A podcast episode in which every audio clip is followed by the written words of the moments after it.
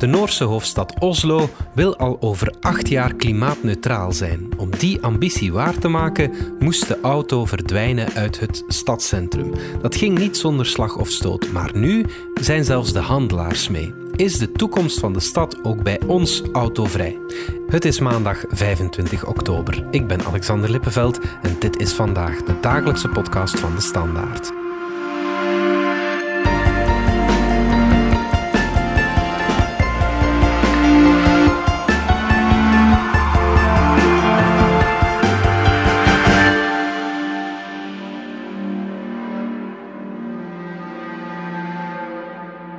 Jeff Poppelmonde van onze binnenlandredactie. Jij ging voor onze krant een kijkje nemen in Oslo. Wat had je daar te zoeken? Wel, uh, Oslo staat bekend als een stad die, uh, die heel ambitieus is als het aankomt op het terugdringen van, uh, van de CO2-uitstoot. Ja. En zeker de laatste jaren, in 2015, is er een regering van groenen en socialisten aan de macht gekomen die heel ambitieuze ja. doelstellingen gezet hebben. Je sprak met Rasmus Reinvang, medewerker van de groene schepen van stadsontwikkeling in Oslo. The cars they, they take a lot of space actually and the roads which are so wide everything has kind of been made for the car and not for the for the people die wil al in 2030, dus over acht jaar, ja. zo goed als klimaatneutraal zijn. 95% van de CO2-uitstoot moet dan okay. verdwenen zijn. Ja. Um, en wat vooral interessant is, is dat ze daarvoor heel hard op het transport zijn gaan inzetten. Dat is met voorsprong de belangrijkste bron ja. van, uh, van broeikasgassen. En een van de meest opmerkelijke ingrepen die ze gedaan hebben om dat uh, te realiseren, is het weren van de auto uit het, uh, het centrum van de stad. We wanted to have a change, a shift in how the city center would function. Mm. And to down prioritize the car and prioritize the people, the livability, the cycling, etc. etc. Dat is heel drastisch natuurlijk. Hoe hebben ze dat precies aangepakt? Wel, ze zijn vooral met parkeerplaatsen uh, gaan, gaan spelen. Ah, ja. Aan de parkeerplaatsen okay. beginnen draaien, zeg maar. Uh, vanuit de redenering, als mensen geen parking vinden, dan zullen ze wel een alternatief zoeken ja. om naar de stad te komen. Before nobody was willing to take anything out or, or away, like parking spaces, room for the car. And so we said that, well, we actually mean it and we will never get a good like biking system or walking uh, streets etc unless we actually makes it, make it more difficult for the car. Dat is een goede redenering. Dat is een, ja. dat is een heel logische redenering. Ja. En als die parkeerplaatsen verdwijnen, dan komt er natuurlijk ook gewoon veel ruimte vrij ja. op de straten waar je andere dingen mee kan doen. Waar je bankjes kan zetten, groen. Ze hebben op verschillende uh, plaatsen ook de stoepen breder gemaakt. Omdat uh, stadsplanners in de jaren daarvoor ook hadden duidelijk gemaakt in verschillende rapporten dat er veel te weinig ruimte was voor oudere mensen, voor kinderen ook, mm -hmm. om in die stad eens gratis op een bankje te gaan zitten ja, ja, ja. zonder een koffie te moeten kopen. Um, en daar zijn ze dan mee aan de slag gegaan. En alles samen hebben ze dus sinds 2015 5000 parkeerplaatsen in de hele stad geschrapt. 800 in, het, in het hart van de stad. Waar nu eigenlijk boven de grond alleszins bijna, bijna niks meer overblijft. Uh, waar wel nog geparkeerd mag worden, is de prijs heel sterk omhoog gegaan. Ook voor bewoners, mm -hmm. die nu een bewonerskaart moeten kopen om hun auto te mogen parkeren. I remember myself I, because I had my, my kid. He was he was doing some sports uh, at this school, quite which was quite central, and uh, and we would like drive there because it was practical. We were like, come on, we can't like pay. Uh, 20 euros like yeah. every time no okay we have to change our habits yeah. Yeah. i sold my car i bought this transport bike where i can have kids and groceries and stuff and that's i don't need anything else in the everyday life when when I live in Oslo. Ja. En tegelijkertijd zijn er ook verschillende straten in het centrum echt autovrij geworden. Auto's mogen daar niet meer in. En er is ook een circulatieplan gekomen, ja. waardoor auto's de stad niet meer kunnen doorrijden, maar altijd terug naar de ring worden gestuurd. Ja, wat het ook veel minder aantrekkelijk maakt om, om, om die stad in te rijden. Inderdaad, ja. In België is er vaak heel veel weerstand tegen zo'n circulatieplan. Denk maar aan de situatie in Gent. Was iedereen mee in Oslo? Nee, ook in Oslo was er, uh, was er heel veel tegenstand. Ik heb mensen gesproken die zich daar heel erg tegen verzet hebben, die spandoeken in de bomen hebben gehangen uh, tegen het verdwijnen van de parkeerplaatsen. Dat was het voornaamste ja. um, punt waar ze, waar ze heel bezorgd over waren. Mensen die zeiden, wij zijn nog niet klaar om de auto auto los te laten. We hebben die nodig mhm. om onze kinderen naar school te brengen, naar hun hobby's te brengen. We werken aan de andere kant van de stad. Ja, je sprak ook met een aantal inwoners die helemaal niet tevreden zijn. So we are dead against this. We have tried all peaceful manners and we will still continue peacefully and democratically. We put up banners in the street, polite banners, please leave Villelövesgata alone. They were torn down by the city council within a couple of hours. We tried again, again the same happened. This is a total idiot treatment of the inhabitants in a peaceful residential area in Oslo. Die vinden dat het allemaal veel te snel gaat, dat het stadsbestuur veel te drastisch is in de maatregelen ehm, die het neemt. Mhm. En de en naast die bewoners waren er inderdaad ook, ook heel veel handelaars die, eh, die heel bang waren dat Oslo een dode stad zou worden als hun klanten, vooral dan die van wat verder komen, niet meer voor de deur of dicht bij de winkel zouden, zouden kunnen parkeren. Ja. Um, ze waren bang dat die dan gewoon niet meer zouden komen. Ja. En was die vrees dan terecht? Wel, dat is eigenlijk de interessantste les van Oslo, vind ik. Dat vandaag zegt diezelfde vereniging van handelaars die in 2015 zei Oslo wordt een dode stad, dat die voorspelling niet is uitgekomen. Mm. Dat de mensen zijn blijven komen. Dat de aantrekkingskracht van het stadscentrum en van de winkels blijkbaar groot genoeg is om mensen te overtuigen om zich aan te passen en om alternatieve middelen te gebruiken om naar de stad te komen. En dat blijkt ook uit de statistieken dat ze dat gedaan hebben, want terwijl de bevolking in Oslo is blijven groeien, is het aantal verplaatsingen met de auto gestabiliseerd, mhm. terwijl het aantal reizigers op het openbaar vervoer heel sterk is toegenomen. En het aantal verplaatsingen met de deelfitsen is op drie jaar tijd verdrievoudigd. Okay, dus dat is toch wel uh, spectaculair. Ja, ja. En tegelijkertijd, zoals ook de handelaars zeggen, maar uh, zoals bijna iedereen die ik daar gesproken heb, zij is Oslo een heel bruisende stad vandaag. Alles behalve dood. Is het in de straten tot s'avonds laat heel druk, terwijl die vroeger na de kantooruren leegliepen. Ja. Het, is, het is er aangenamer geworden er zijn meer bankjes, meer groen waar je kan, kan gaan zitten.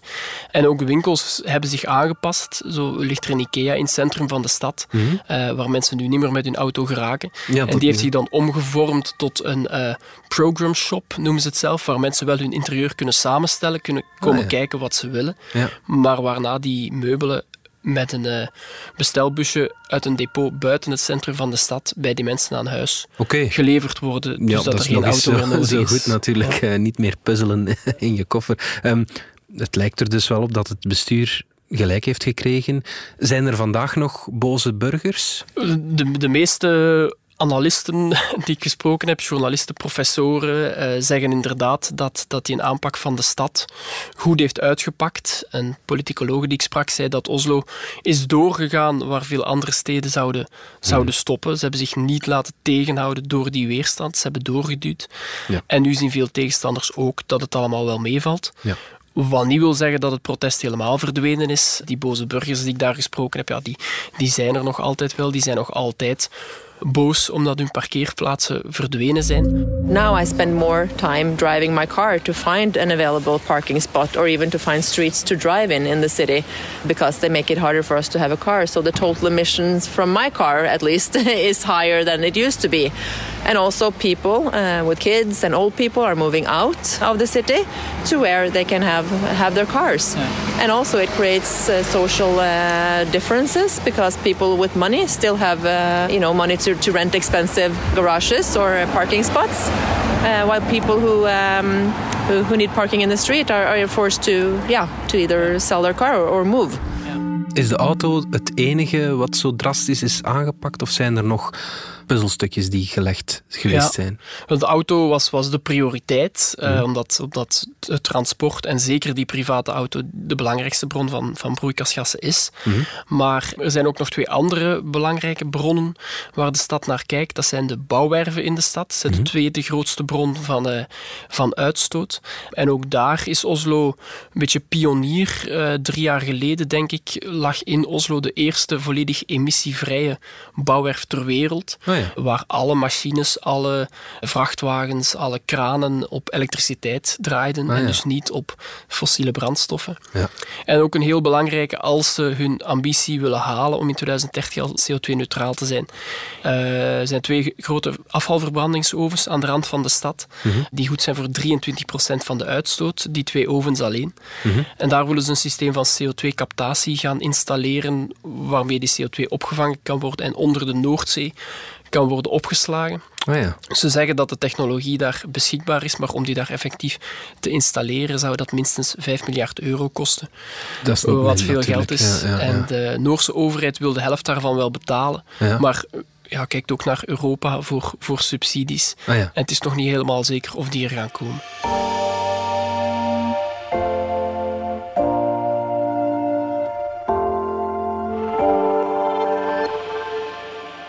Oslo is de hoofdstad. Het is logisch dat die een soort voortrekkersrol heeft. Volgt de rest van het land ook? Wel, heel Noorwegen staat op zich wel bekend als een, als een ambitieus klimaatland. Mhm. het, het, beleid ten aanzien van elektrische auto's is daar bijvoorbeeld heel stimulerend. 70% van de auto's die daar verkocht worden is vandaag al elektrisch, omdat er heel hoge taxen gehoven worden op gas en, en, en olie, mhm. eh, veel minder op elektriciteit. Maar uh, tegelijkertijd botsen de belangen van de hoofdstad en de rest van het land ook wel eens. Zo is er op dit moment een grote, een grote weg in aanleg richting Oslo, ah, waarvan mobiliteitsexperten bang zijn dat die wel eens een heel negatieve impact zou kunnen hebben, dat die terug massaal auto's naar de stad zou kunnen trekken. Maar die komt er dan op vraag van meer landelijke gemeenten in de rand. Want die zijn er wel hè, in Noorwegen. dat is een heel ja, ruw land. Ja, absoluut. En die mensen willen ook nog in de hoofdstad geraken. En dus op die manier durven die twee wel eens, uh, wel eens botsen. In september zijn er ook verkiezingen geweest, nationaal. is een partij verkozen die, uh, die heel erg opkomt voor de belangen van het platteland. Ah, ja. En nogal sceptisch staat ten aanzien van te drastische klimaatmaatregelen, zeker als die de auto benadelen. Dus het is nog een beetje afwachten welke impact dat uh, zal hebben. Ja. Wat vond je zelf van het Noorse model? Ik vond het heel interessant om te zien. Het was, het, was, het was heel grappig toen ik daar aankwam om de stilte in die stad te zien, terwijl er liggen wel nog heel veel driebaans autowegen. Ja, de ehm, infrastructuur is nog niet overal... De infrastructuur is nog niet overal aangepast. Maar je kan dan wel minutenlang in het midden van zo'n van zo'n uh, van zo'n driebaansweg gaan staan zonder dat er één auto passeert. Ja, je hebt gewoon ook eens de proef op de som genomen. Ik sta nu in het midden van de Stortingsgata, een van de grote centrale straten in Oslo. En uh, ik kan hier blijven staan zolang ik wil, want er passeert letterlijk niets van verkeer. In de verte zie ik een aantal elektrische bussen rijden, een paar bestelwagens en kleine vrachtwagens ook. Maar deze straat is niet autovrij. Maar er rijdt gewoon niks over, omdat hier geen parkeerplaatsen zijn. En auto's hier dus eigenlijk niets te zoeken hebben. Zebrapaden hebben nog weinig nut. Iedereen steekt over waar hij wil, waar hij kan. Um, en ik sta hier nu al letterlijk één minuut in het midden van de straat. En nu moet ik wijken omdat er een, eh, een bus aankomt. De auto's zijn nu weg, maar de autowegen nog niet. Het is wel de bedoeling om die ook nog te gaan heraanleggen, om die uh, meer aantrekkelijk te maken, om daar inderdaad meer groen, bankjes en zo nog te installeren. Ja. En het openbaar vervoer is nu sterk uitgebreid, dus het is niet dat je je niet meer kan verplaatsen. Nee, de frequentie van die trams is, is, is echt wel heel sterk toegenomen, ook de laatste jaren, zei iedereen. Dus, dus in die mate dat je gewoon naar een, naar een halte kan gaan, eigenlijk, zonder te checken wanneer komt hij. Ja. En er zal altijd wel binnen de vijf of tien minuten uh, zal er eentje zijn. Dat is wel handig natuurlijk, ja. En nog een heel groot pluspunt natuurlijk van zo weinig auto's in het stadscentrum is dat er uh, de verkeersveiligheid heel sterk omhoog gegaan is. In 2019 is er in uh, het centrum van Oslo geen enkele zwakke weggebruiker gestorven in het, in het verkeer. Het enige verkeersslachtoffer dat er wel eens gevallen was van een eenzijdig auto-ongeluk ja. tegen een muur gereden. Ja. Maar dus op dat vlak geen fietsers, geen voetgangers die, uh, die doodgereden worden. We zijn terug na de reclame. De wereld verandert sneller dan ooit. Blijf bij met de Enterprise Cloud van Workday. Eén systeem waarmee u continu plant voor elk what-if scenario. Workday, het finance, HR en planningssysteem voor een veranderende wereld. Laten we even kijken naar ons land. Denk je dat zoiets mogelijk is in bijvoorbeeld Brussel? Want Brussel kampt wel al langer met heel wat mobiliteitsproblemen. Het was, het was eigenlijk heel grappig, maar veel van de mensen die ik in Oslo gesproken heb, uh, die vroegen waarom ik helemaal naar daar was gekomen. Ja. Omdat er in Brussel toch ook zoveel interessante dingen aan het gebeuren zijn. Oké. uh, en dat klopt in zekere zin ook wel. Er is daar, is daar veel aan, aan het borrelen. Er is de voetgangerszone in het centrum, al is die lang niet zo groot als dat autovrije gebied in, mhm. in Oslo. Mhm. Er komen ook wel veel fietspaden bij, zoals het symbolische voorbeeld van het fietspad op de wedstrijd ja. Ook veel andere steden, Gent, Leuven, zijn hier grote stappen aan het zetten richting minder auto's in de binnenstad, met circulatieplannen in de, in de eerste plaats. Mhm. Maar het gaat hier wel overal veel trager dan in Oslo. Zeker in Brussel komt er de laatste tijd meer en meer kritiek vanuit mobiliteitsorganisaties, burgerbewegingen, die verwacht hadden dat de impact van de groene partijen die daar nu in de regering zitten en van de groene minister van Mobiliteit, dat die zich toch sterker zou doen voelen. Hoe komt het dat het toch zo traag gaat, dat hele proces? Ja, ik denk dat het ergens natuurlijk met politieke moed te maken heeft. Dat is wat iedereen daar over Oslo zegt. Hè. Zij gingen door waar veel anderen zouden stoppen. Ja. Het, is, het is durven, want er zal altijd verzet komen als er parkeerplaatsen sneuvelen, als mensen zich moeten aanpassen, dingen anders moeten gaan doen. Ja, dat, is in ons land moeilijk. Hè? Dat, is, dat is vaak een beetje eng en het is dan kwestie om als beleid, als jij overtuigd bent dat je het juiste doet en dat het uiteindelijk wel goed zal komen, ja. durven doorduwen en niet terugschrikken voor dat protest. Niet verschuilen achter er is geen draagvlak, maar proberen mm. om dat draagvlak zelf te creëren, wat in Oslo gebeurd is. Ja. En gaat het ook om geld? Want Noorwegen is een bijzonder rijk land. Hè? Ik denk niet dat het zozeer met geld te maken heeft, in die zin dat de maatregelen die daar in het centrum genomen zijn, parkeerplaatsen schrappen, ja. straten autovrij maken. Dat kost geen geld. Maar je moet wel alternatieven voorzien natuurlijk. Je moet wel de alternatieven voorzien. Je moet wel durven investeren inderdaad in het openbaar vervoer. En daar is een heel belangrijke. En het heeft in die zin ook met politieke structuren hier in België te maken. Maar Oslo heeft al sinds de jaren 90 een tolring rond de stad, hmm. waarvan de prijzen de voorbije jaren ook sterk zijn opgedreven. Rasmus Ruinvang die ziet nog een voordeel van die tolring. And the brilliant thing with the toll ring was that not only because you have to pay, then you, you reduce the incentive to, mm-hmm. to drive in, mm-hmm. but also the money from the toll ring was also put aside to pay for increasing public transport system. Ja. En het geld dat daarmee verzameld wordt, wordt ook gebruikt om te investeren in het openbaar vervoer. is een ja. belangrijke bron van inkomsten voor het openbaar vervoer. Ja. En dat is iets wat Brussel ook al heel lang wil een slimme kilometerheffing invoeren. Wat eigenlijk in essentie hetzelfde is als zo'n, zo'n tolring. Ja. Maar om dat goed te kunnen doen, moeten hier Vlaanderen en Wallonië mee zijn. Ja. En zoals we weten zijn ze dat niet. Nee, ja, en dus zit die kilometerheffing tot nader order in de diepvriezer. Ja. En blijft een, een heel belangrijk instrument om inderdaad dat autogebruik in en rond die stad te doen afnemen, mhm. hier buiten gebruik, waar dat in Oslo echt wel een sleutel is geweest. Kunnen we het Noorse model eigenlijk overnemen? Ik denk dat eigenlijk wel. Uiteindelijk is natuurlijk is elke stad eh, anders en, en zal het overal de, de modaliteit een beetje verschillen. Maar die grote principes van minder parkeerplaatsen, een stadstol of een, of een kilometerheffing waarvan je het geld gebruikt om te investeren in sterker, veel frequenter openbaar vervoer, betere fietsinfrastructuur, hmm. waardoor je mensen aanmoedigt, stimuleert om die overstap te maken. Dat is eigenlijk de essentie van dat model dat Oslo heeft toegepast. En ik denk dat die overal toegepast kan worden. Ja. Is de toekomst van elke stad autovrij, Jeff? Of ligt dat toch te gevoelig? Ja, het hangt natuurlijk een beetje vanaf wat je verstaat onder autovrij. Ook mhm. in Oslo uh, worden de winkels wel nog beleverd door bestelbusjes, rijden er wel nog taxis. Ja. En, ehm, en mogen mensen die, die, die niet goed te been zijn, zich niet goed kunnen verplaatsen, mhm. ehm, ook nog altijd in uitzonderlijke gevallen met hun auto de, de stad in. So some kind of car use will is still here. Yeah. But we try to really minimize what you can kind of say called the like the private individual car use. Mm. The point where yeah. you would drive alone and you will drive into the center to buy some flowers and drive back like those it's not refined enough. Come on, like we're modern people.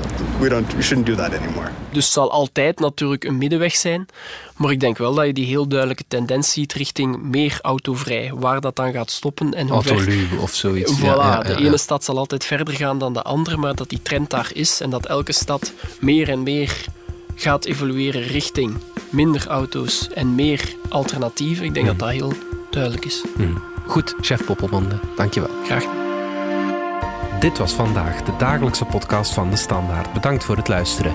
Ken je trouwens DS Podcast al, de podcast-app van De Standaard? Daar luister je niet alleen naar onze journalistieke reeksen, je krijgt ook elke week een eigenhandige selectie van de beste nieuwe podcasts op de markt. Alle credits van de podcast die je net hoorde vind je op standaard.be-podcast. Reageren kan via podcast.standaard.be. Morgen zijn we opnieuw.